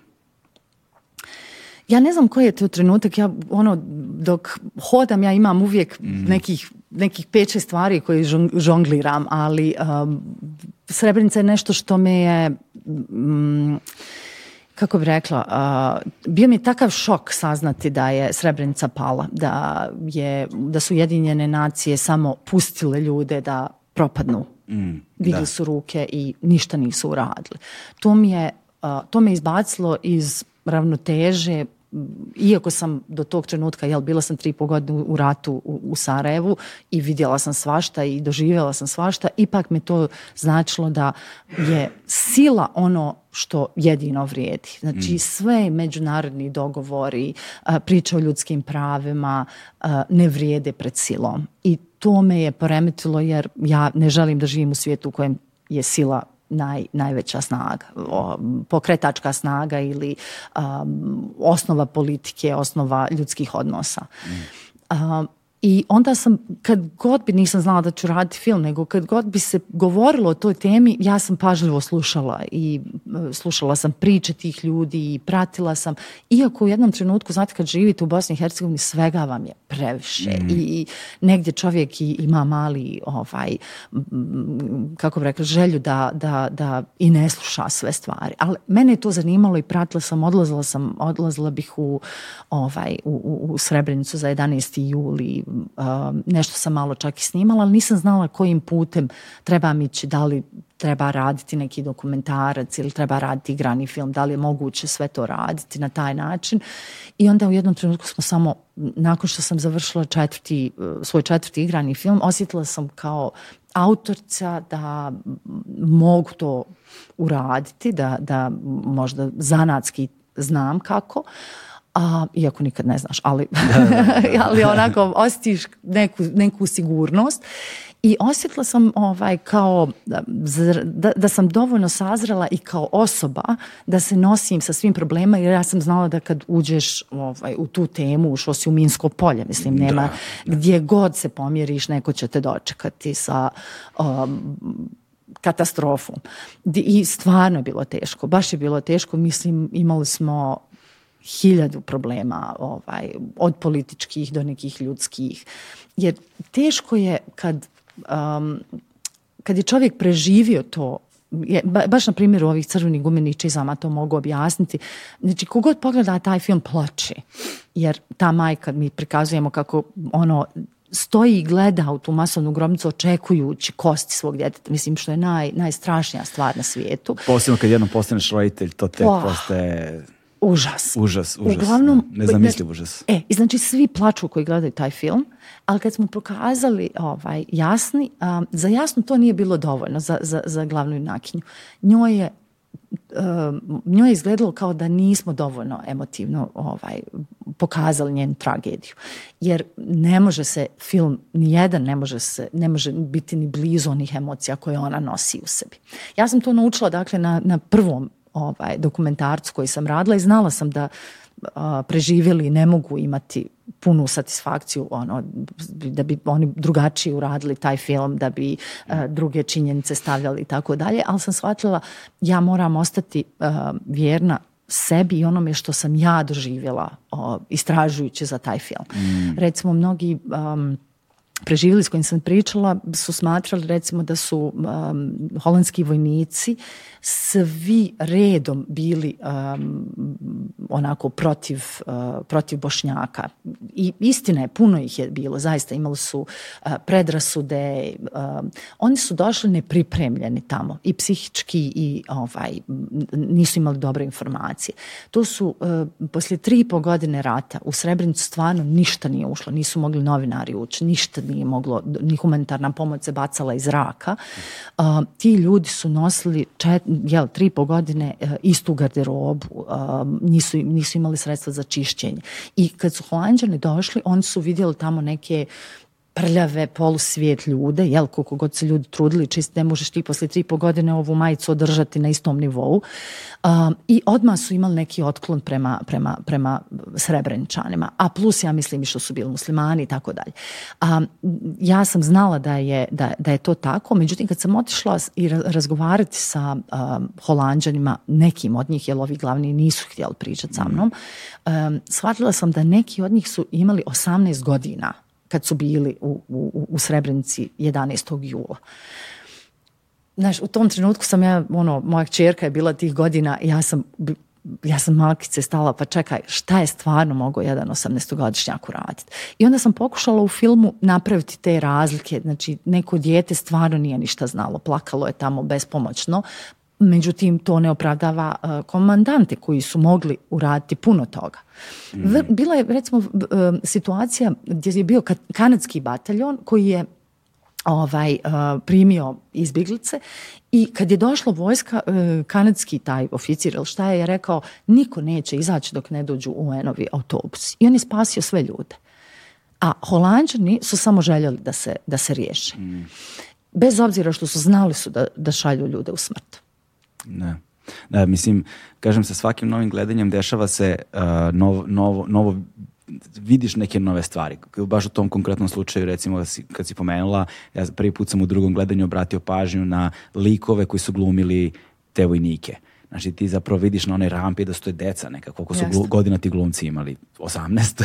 da, malo su stariji, onaj najmlađi ima 21, to, da nešto plače. Da, e, ali vidiš imali su ta, ta dečija lica zapravo, znaš, i ti sad sediš i, znaš, razmišljaš šta stvarno on može da zna. Da. Znaš, koju moć odluke, to su strašno teške teški trenuci kojima ti treba da doneseš racionalnu ili ne znam kakvu god odluku. Ili... Oni nisu mogli, po, prirodi tog posla oni nisu mogli, ali Karamans i Franken, to je potpuno druga priča. oni, su, oni su apsolutno mogli kao što ali je... Ali Karaman znam da nije želao da razgovara, ali tako? Ne, da. nijedan nije htio da... Ja sam kontaktirala njihove advokati, oni nisu htjeli. kako, je, kako izgledala, ta komunikacija i privatno u trenutku kada si kontaktirala te vojnike koji su tad imali 18 godina? Oni su željeli razgovarati. Oni imaju takav ono, PTSP od toga šta se desilo u Srebrenici. Imaju zaista veliku krivnju i oni su željeli ispričati svoju priču. Sa koliko njih si razgovarala Sa pet u Amsterdamu i ovaj, svake godine bi neko od njih dolazio u Srebrenicu za 11. juli, tako da sam se još jedno možda desetak Mhm. ovaj, pričala. Koliko je to trajalo, taj period uh, intervjusanja njih i razgovaranja sa njima? Pa ja sam u nekom periodu od 5-6 godina, da tako kažem, spremila film. Da. također, ima jedan trenutak u filmu koji mi je bio malo nejasan, ovaj, kao, kao da je izm, izmešten malo, posle sam saznam zašto želim da ti mm kažeš. Ima taj telefonski razgovor u kolima. Uh, kada Karamans, uh, kad ga nešto pita da li za devojku ili za ženu, Eh, za ženu i decu ili šta već kaže, pa kada rekao nemam. Um, ovaj, eh, čekaj, čekaj, samo da se... Da se Zato što, da, valjda scena neka izbačena, gde je, on, e, on da, su, ga, da su nešto pitali, rekao kao ne mogu, ne znam, da li, da li je pominjao ženu i decu ili devojku ili nešto, a onda... Ovaj jedan vojnik, on kaže da mu je djevojka trudna i oni žele, ovaj, e, ja sam stavila to da je, da vidimo koliko oni jedva čekaju da odu to, odatle. Da, da. im je to bilo važno i on, ovaj, e, ovaj vojnik kaže, a, djeti će se zvat Tom po, po, mm. po ovaj, Karamansu. htjela sam i taj ljudski moment da kažem, ok, to su su ljudi isto sa nekim svojim biografijama, mm. mislim njemu je trudna žena, sad njemu uopšte nisu bitni ti ljudi tamo što stoje, njemu da. daje doći do kuće. Jer i to je istina o, mm. ljudskoj prirodi. Da, ovaj, a nekako u recepciji filma, kad govorimo sad o ovim bivšim republikama, jel te, mhm. kada je krenulo to političko prepucavanje, jel te, oko svega, ovaj, nekako se potpuno prenebegla njihova uloga u svemu tome u javnom diskursu znaš, ovo, ovo čemu mi sad pričamo je nekako u potpunosti izostalo. Niko nije kod govorio... Kod nas da, kod nas da, u vani ne. U pa vani da, kod se, nas, da, da, da, kod nas da. jeste, jeste, jeste. Jest, jest. To totalno izostalo. Niko o njima nije govorio, nego e. samo smo se vratili na ono što najbolje znamo. Znaš, kako da, da se kako, kako da se sukobljavamo i upiramo prste jedne druge. Znaš. Ovaj, a, a, a, gde je premijerno prikazan film? Film je u Veneciji bio mhm. prikazan između dva vala pandemije, tako da smo bili baš sretnici. Što ste, što ste mogli da prikazate. Jeste, da. jel vi, kasnije kad se prikazivao na određenim festivalima mhm. online, to je bilo, mislim, zaista da, da ne osjetiš publiku, da ne budeš tamo. Da. Ja sjećam, sjedila sam u stolici, Zoom sa Indijom, ljudi su gledali film i onda su bio je Q&A, onda sa ovaj, festivalom u Holandiji i onda sa festivalom u uh, Meksiku, činim se. Znači, sjedim na svojoj stolici i tri kontinenta, mm. onaj, da odgovaram na pitanja s tri kontinenta. Mislim, totalno blesavo. Da, da. Ali mi smo bili sretni što smo u Venici prikazali film i to je, mm, mm. to, to nam je bilo baš, baš Ka, kakav je trenutak bio za tebe kao rediteljke i autorke i s obzirom na temu i sve, ovaj, pritom da, da dodam koliko je dostojanstveno urađen film, koliko je on van teme, koliko je taj filmski jezik i rediteljski, sve je stvarno, film je stvarno odličan. Znaš, to je ono, stvarno, stvarno divan film. Ovaj, ali koliko je tebi kao autorki, e, uvijek me zanima taj trenutak, znaš, ovaj, sediš i posmetaš premijeru i publiku, znaš, i kao i najzad se dešava materializacija nečega što se rodilo kao ideja pre koliko godina pre toga, koliko je, koliko je ceo proces trajao. Ma, 5-6 godina. 5-6 godina, evo 6 godina kasnije, da. evo je premijera. Ja sam toliko nervozna da ja ništa ne znam šta se dešava. Da. Ja sam baš ono strašna. Mislim, trenutak kad smo dobili poziv od Venecije je nešto što sam mogla Eh, doživjeti potpuno. I odmah sam zvala prijatelje na piće i ono, stvarno smo, eh, to je bilo veliko, to nam je puno, puno značilo. Jer nije bilo lako financirati film, znaš, mnogi su govorili kao da film, ono, prvo što ih više Balkanci ne zanimaju, mi smo dosadni sa svojim sukobima, mislim šta je lijepo izašlo odavde, ono, samo sukobi, samo loše stvari, to, to je ljude potpuno prestalo zanimati kad smo pokušavali financirati film, mislim zaista mi se desilo u Kanu da smo, uh, da ja objašnjavam priču filma i da je producentica zaspala. I daž, možda sam ja loše objašnjavala, ali mislim da je ona samo shvatila genocid. Evo su opet ovi. e, dosadli ste. I znaš, sve mimo toga što se dešavalo sa filmom za bilo ogromno da neko uopšte želi da to pogleda i da bez obzira što je to Balkan i genocid da, da želi da bude na, na njihovom festivalu. To mi je tako bilo bitno. A ono kad je, kad je bila premijera, mislim ja nisam znala gdje mi je glava stvarno. Znaš ono od najglupljih stvari recimo ova, još uvijek je bilo ono pandemija ne može se ući u Evropsku uniju moraš biti 15 dana u karantenu. Jaca i Boris su bili 15 dana ono kao u karantenu, bili su na moru u Europskoj uniji da bi mogli ući u Veneciju. Da, da, da, to je bilo ludilo. I sad, znaš, ja sam u Berlinu, završavam film, ono, u, u finish jer slika nam je u Rumuniji, uh, VFX nam je u Holandiji, uh, sound designer je u Sarajevu, ovaj, moja kamermanka je u Berlinu i ja shvatim, ok, berlinski studio može objediniti sve nas jer ne možemo putovati, a montažer mi je u Poljskoj. I sve, mi sve, sve smo to nekako morali objediniti što je suluda bilo, stvarno je bilo preteško. I ovaj, e, moja prijateljica koja, koja mi ono, šije garderobu, ja kažem, ajde ono, pošalji mi tu haljinu, nemam ja sad vremena misliti o haljnu, daj mi samo pošalji u Berlin da, da probam, pa ono, samo ću pokupiti, idemo za Veniciju, pravo, jer ne smijemo izaći više iz Evropske unije i ovaj, e, DHL zadrži haljinu na granici i nemam haljine, ja idem u Veneciju i samo joj javljam š, ši novu, idi u Split, pošalje poštom i znači ja dolazim tamo, ja ne znam ni imam li u čemu izaći, imam li, znači to je totalna nervoza, ti više ne misliš na film uopšte, nego samo da preživiš taj trenutak. Ali kad se film jednom pusti... E, kad se završio, ja sam tek tad shvatila ovaj, da, da, sam, da sam preživjela i da ljudi su plakali, bio je ogroman aplauz i tad sam shvatila, ok, to je to. A do tada, ne, uopšte ne znam gdje sam bila. slično tome, to, to, se o čemu si sad govorila me posjeća zapravo negde na, na, na Jacin lik u filmu, na Aidu zapravo. Um, Aida je nekako sve vreme u pokretu ona je od početka do kraja filma, zapravo sve do trenutka dok ne najzad u stanu, ovaj, gde mi osim, one, scene sa, sa, sa, sa, sa duvanjem jointa, mi zapravo ne vidimo nju da je sela negde u nekom trenutku.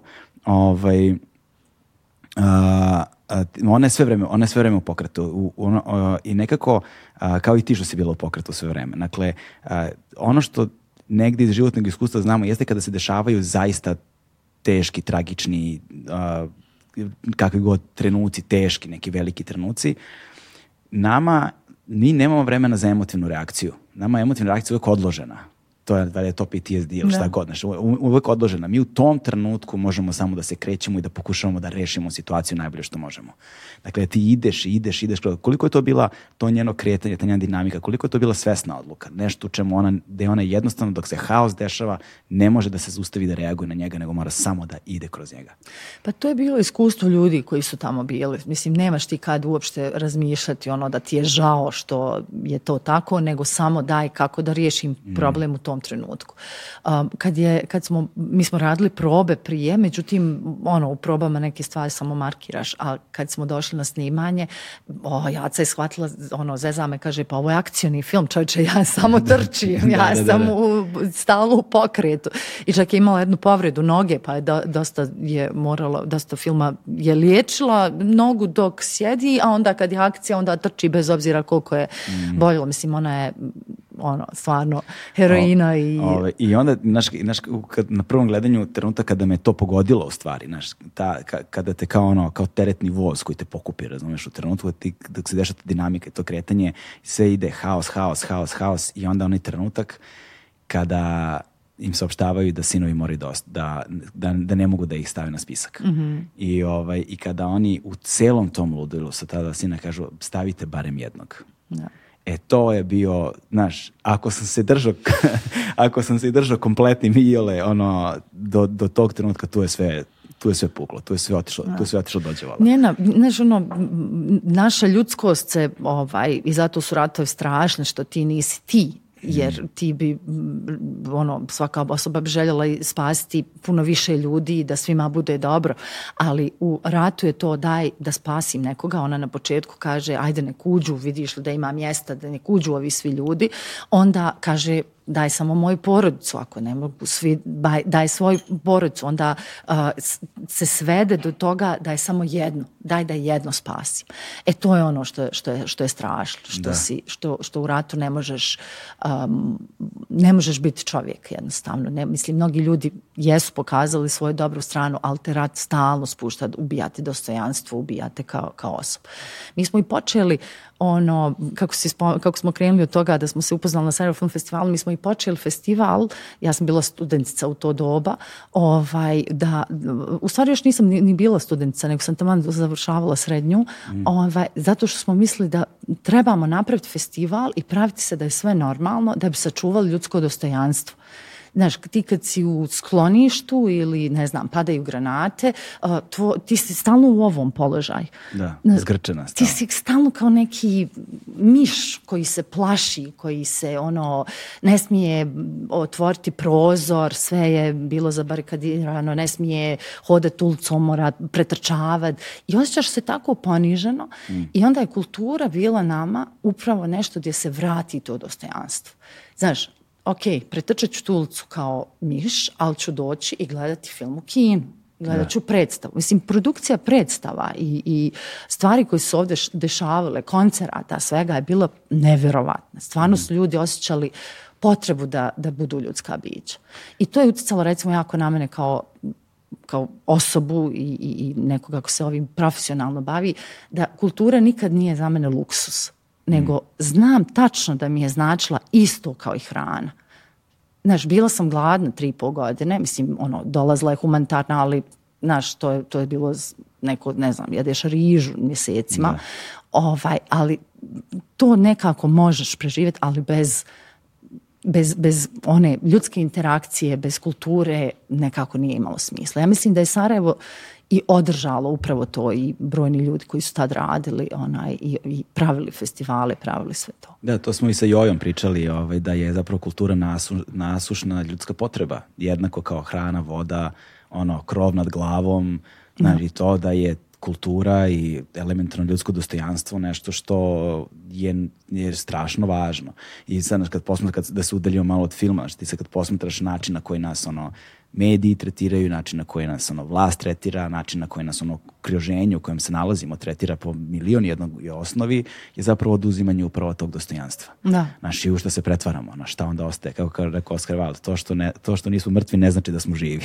da, da. da, u velikoj meri. I mislim da negde, eto vidiš, a opet ironije li, onda se film dešava u vreme pandemije kada nam je taj ljudski kontakt upravo oduzet. Da, to je bilo stvarno ludo. Mislim, prvo, prva stvar je recimo, mi smo 2019. na Berlinalu, sjedli smo sa naših deset producena, koproducenata, ovaj, jer toliko je trebalo ljudi da se skupi taj novac. I uh, razmišljali smo kako, kada početi film. Um, producente ne vole kad nemaš puno financiranje, ulaziš u rizik ako snimaš i rekli su, ok, nemamo puno financiranje, ajde odlažemo film za sljedeću godinu, za 2020. za uh, maj, jel, kad, kad bi trebale početi pripreme. A Damir je imao tako neki instinkt da je rekao, mi ćemo preuzeti rizik, jer smo mi jel, nosioci projekta, iako nemamo puno financiranje, mi ćemo u toku rada na filmu financirati, što je suludo, znači ti si toliko fokusiran na filma, još vamo se baviš financiranjem, to, to je stvarno teško. I dobili smo zeleno svjetlo jer su rekli, ok, vi preuzmate rizik, mislim, ako se film ne desi, ono... Ne. koji, procent je falio? pa mislim da nam je falo pola miliona ili ovako nešto, baš je bilo, baš je bilo zeznuto. I Veliki rizik. E, ali osjetili smo da je pravi trenutak jer, jer smo već radili probe sa glumcima, glumci su željeli, bili su spremni. Sve je bilo tu osim eto ne, nečeg što je bitno, a to je financiranje, ali da mi rekao, ajmo, molim vas da počnemo sada. Mm. I mi smo dva mjeseca poslije toga ušli u pripreme odmah. A, da nije, da se nije to desilo, mi nikada ne bi snimili ovaj film. Jel, da smo ga odložili za ljeto 2020. Danas ne bi Ne, nema šanse. Mislim i dan danas je nemoguće 500 ljudi držati ono, u tako zatvorenom prostoru po tim okolnostima. Mm. A, izgubili smo sigurno i sve fondove i možda i energiju i želju, ali ovaj, nekad malo ono, rizika i suludosti. Ovaj, što bi rekao Blum, jel? Eto, tad, nismo, tad nismo znali za tu njegovu rečeljicu ono, ali smo je osjećali u zraku. Šansa uvijek postoji. Da šansa uvek postoji i onda moraš da veruješ u najbolji mogući ishod. Da nekako smo naučeni da da, da, kao da se ta doza optimizma negdje izgubila. Takva vrsta optimizma se danas smatra ludošću na neki način. Pa ja mislim da je to politički program. Da. mi vjerujemo da ne možemo ništa promijeniti, da ljudi ne žele da glasaju, da um, ono odlaze ovaj, dižući ruke od svega, jer ako odgojiš u, osnovnoj školi ljude da vjeruju da mogu sve promijeniti, da mm. uh, imaju snage, um, onda ti, jel, ako si diktator odgajaš sebe potencijalne neprijatelje. Tako je, da, da. A ovaj, za mene, ja smatram zaista da je politički program. Kao što je politički program da se zaboravi bum, kao što je mm. politički program da se zaboravi šiba krvavac, um, to su sve ovaj, smišljene, smišljene stvari. Da, da. Ovaj, i kako, kako, kako, kako si došla do toga baš da budu baš jasni i Boris? Mi smo radili sa eh, Jasnom i Borisom eh, ovaj, ranije. mm Boris je igrao i, Jaca igrala u mom filmu za one koji ne mogu da govore. Preko Tomija Janežića gledali smo i predstave, ovaj, Galeva smo išli gledati u Novom Sadu, koja, mislim, to je nevjerovatno. Mi smo vodili tada dijete sa sobom, nismo imali gdje ostaviti, imala je možda 13 godina predstava trajalo šest sati. Znači, ona je fascinirano odgledala predstavu, a onda je predstava došla u Sarajevo na, na festival MES i otišla je ponovo gledat predstavu. Mislim, kad djetetu takva predstava drži pažnju, onda ne moramo ništa više reći. Stvarno, nevjerovatno. To je meni dan danas vjerojatno najbolja predstava koju da. sam gledao u životu. Apsolutno se slažem s tobom. Tako da smo mi znali njihov rad, znaš, i u filmu i u pozorištu, već smo radili s njima i ovaj, uh, ja dok pišem ne mislim na glumce, uopšte samo ovaj, mislim o likovima i onda u jednom trenutku kažem ok, sad je vrijeme i onda, onda počnem pričati ovaj, sa Damirom o tome i oboje smo samo rekli jasna Znači nije postojao plan B? Ne, ne, ne, ne, nije postojao ni audicija, ni casting, ništa, ništa, ništa, za to je bilo potpuno jasno. Ovaj, um, za, za mladića smo naravno ponudili ovaj, Borsu. Um, on je razmišljao da li da Pristane negdje sebi rekao da neće više ovaj, ratne filmove raditi. Da. Ne, je li Miloševića poslije? ili, poslije, da. Ali uopšte mislim da mu ratni filmovi više nisu ono, bil, nije osjećao da treba to da radi. Međutim, ono, pristo. Ja sam se čak zezala, zvala sam ovaj, Mirjan Karanović E, koju obožavam i rekla Miro ako mi ne, ne pristane Boris ovaj, ti ćeš mi igrat mladića, napravit ćemo ti masku a ovi nacionalisti će poludjeti, mislim ako Mira igra ovog e, mladića to, to bi bilo tek ludilo ali eto srećom. Kako, kako intimno izgleda ono kada se ti kao osoba nalaziš u javnom prostoru na jednom ovakvom podnevlju, radiš stvari koje radiš i ono znaš da nailazi lavina ono, čega god, ali sa, sa time se treba suočiti. I kao, da li imaš neki ono ritual kako se boriš protiv anksioznosti? pa ne, ja mislim da ono, da radim stvari koje su dobre za društvo. Mm. Ne mislim da je to stvar koja je dobra za mene. Mislim da, bi za mene recimo puno bolje bilo da uzmem neki znaš, komercijalni projekat i da ovaj, radim neki TV i da ne znam, ono, stavljam slike na Instagramu, sigurno je ugodniji život. Ali vjerujem da ove stvari zaista su važne za naše društvo. Kad kažem naše, mislim na ono ex-jugoslovensko, jer je to mm. negdje meni sve zajedničko društvo. Ovaj, ali bez, bez spoznaje šta se desilo i zašto se to desilo i šta su posljedice toga mm. koje još uvijek živimo, mislim da ne možemo ozdraviti, jednostavno mm. ne možemo. I to me onda negdje, kažem, ok, mislim, nekad ono, stvari stvar se moraju, moraju se neki pravi trezovi koje bole i bit će reakcije i šta sad da radim. To je ono kad sam spomenula da sam osjetila da sam dovoljno zrela kao osoba da primim Mm. ovaj, i mržnju i udarce i svašta nešto. Recimo sa Grbavicom nisam očekivala da će biti tako. Da. ono, priča o ženi, ovaj, ne spominje se um, ništa posebno ni politički i tako, ovaj, ali um, nastupila je takva lavina mržnje da, da uopšte se nisam u prvom trenutku mogla snaći, jer prvo ja svaki film radim iz ljubavi i zato što mislim da širi ljubav, a ne mržnju. Ovaj, ali desilo se zapravo to, problem je uvijek što ljudi ne pogledaju film, nego reaguju na određene političke kontekste koji film može imati. Mi smo dobili um, Zlatnog medvjeda u Berlinu i ja sam izašla na scenu, uzela nagradu i rekla ono što je meni važno kao ovaj, građanki Bosne i Hercegovine, da su ratni zločinci, Karadžić i Mladić, slobodni. Jer živjeti u Europi u 21. vijeku gdje su ratni zločinci slobodni govori nešto o Europi. To je naišlo na takav grozan prijem u Srbiji da smo, mislim, Mirjanu su čerečili po novinama da je izdajica, da sam ja, da ja mrzim Srbe. Mislim, onako neke najodvratnije laži. A, prije toga, prije nego što se desila nagrada, mi smo bili pozvani na fest da dođemo da prikažemo film a onda je krenula ta lavina užasa da bi nam prijatelji iz Beograda rekli nemojte dolaziti. Mislim, takva se kreirala situacija. Još se desi po nesreći da mlađi se pojavi na nekom mjestu, da ga neka policija krene hapsiti nešto, pa ljudi povežu da je to zbog mene. Mislim, ono, totalna neka glupost se desila. I sad nam javljaju kao nemojte ljudi dolaziti ovdje, baš onako grozno su mhm. se nabrijali ovaj, na vas.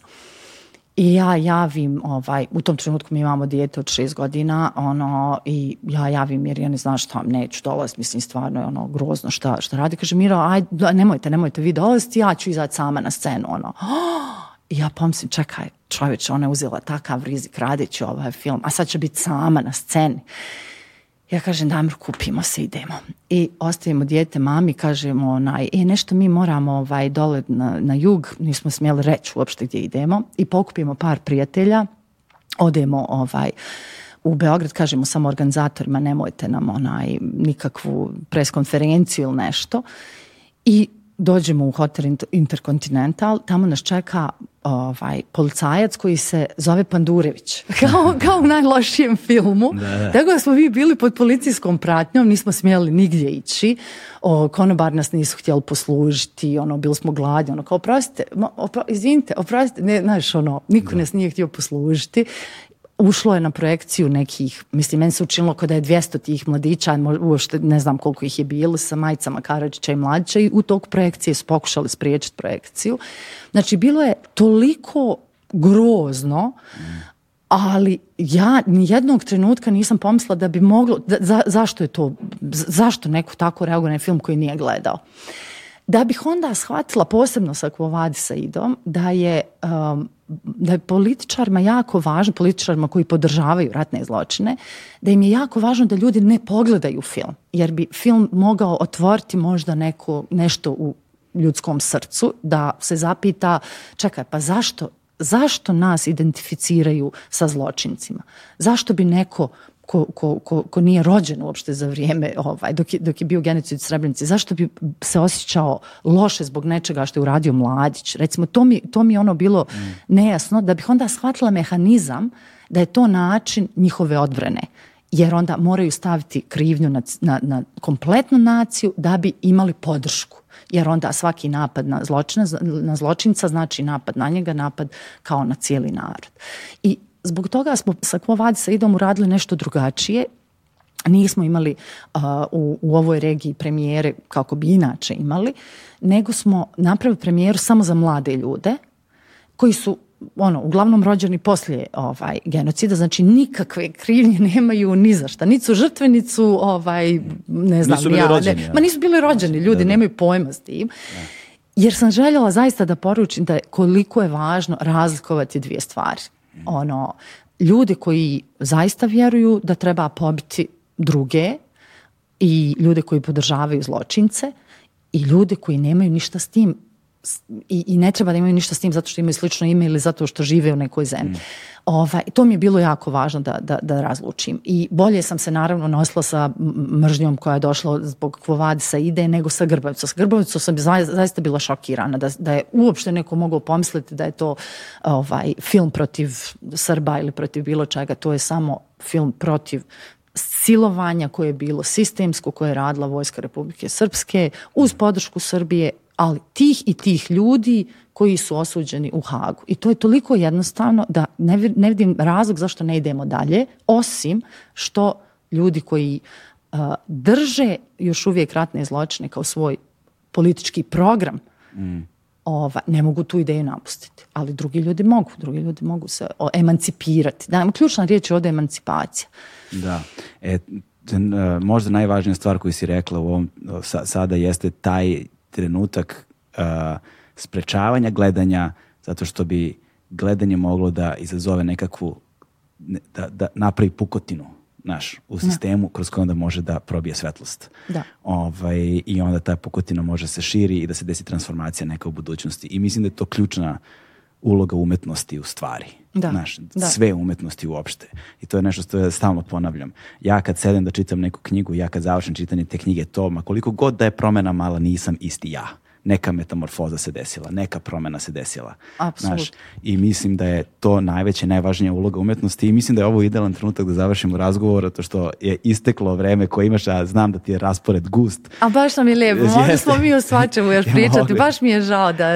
znam, znam, ali, ali hvala ti što si izdvojila vreme, eh, hvala ti na iskrenom i divnom razgovoru i otvorenom razgovoru, hvala ti na svemu što radiš i osobe kao što si ti su ono što zaista nazivamo čuvarima vatrenom prostoru. Tako da hvala ti puno što si bila ovdje. Danas. Hvala tebi puno i za sve što radiš. Stvarno, toliko, je, toliko lijepih stvari radiš i širiš isto divnu energiju i ljubav. Hvala ti puno. Hvala ti puno. Stigli sam do kraja. Ćao. Prijatno.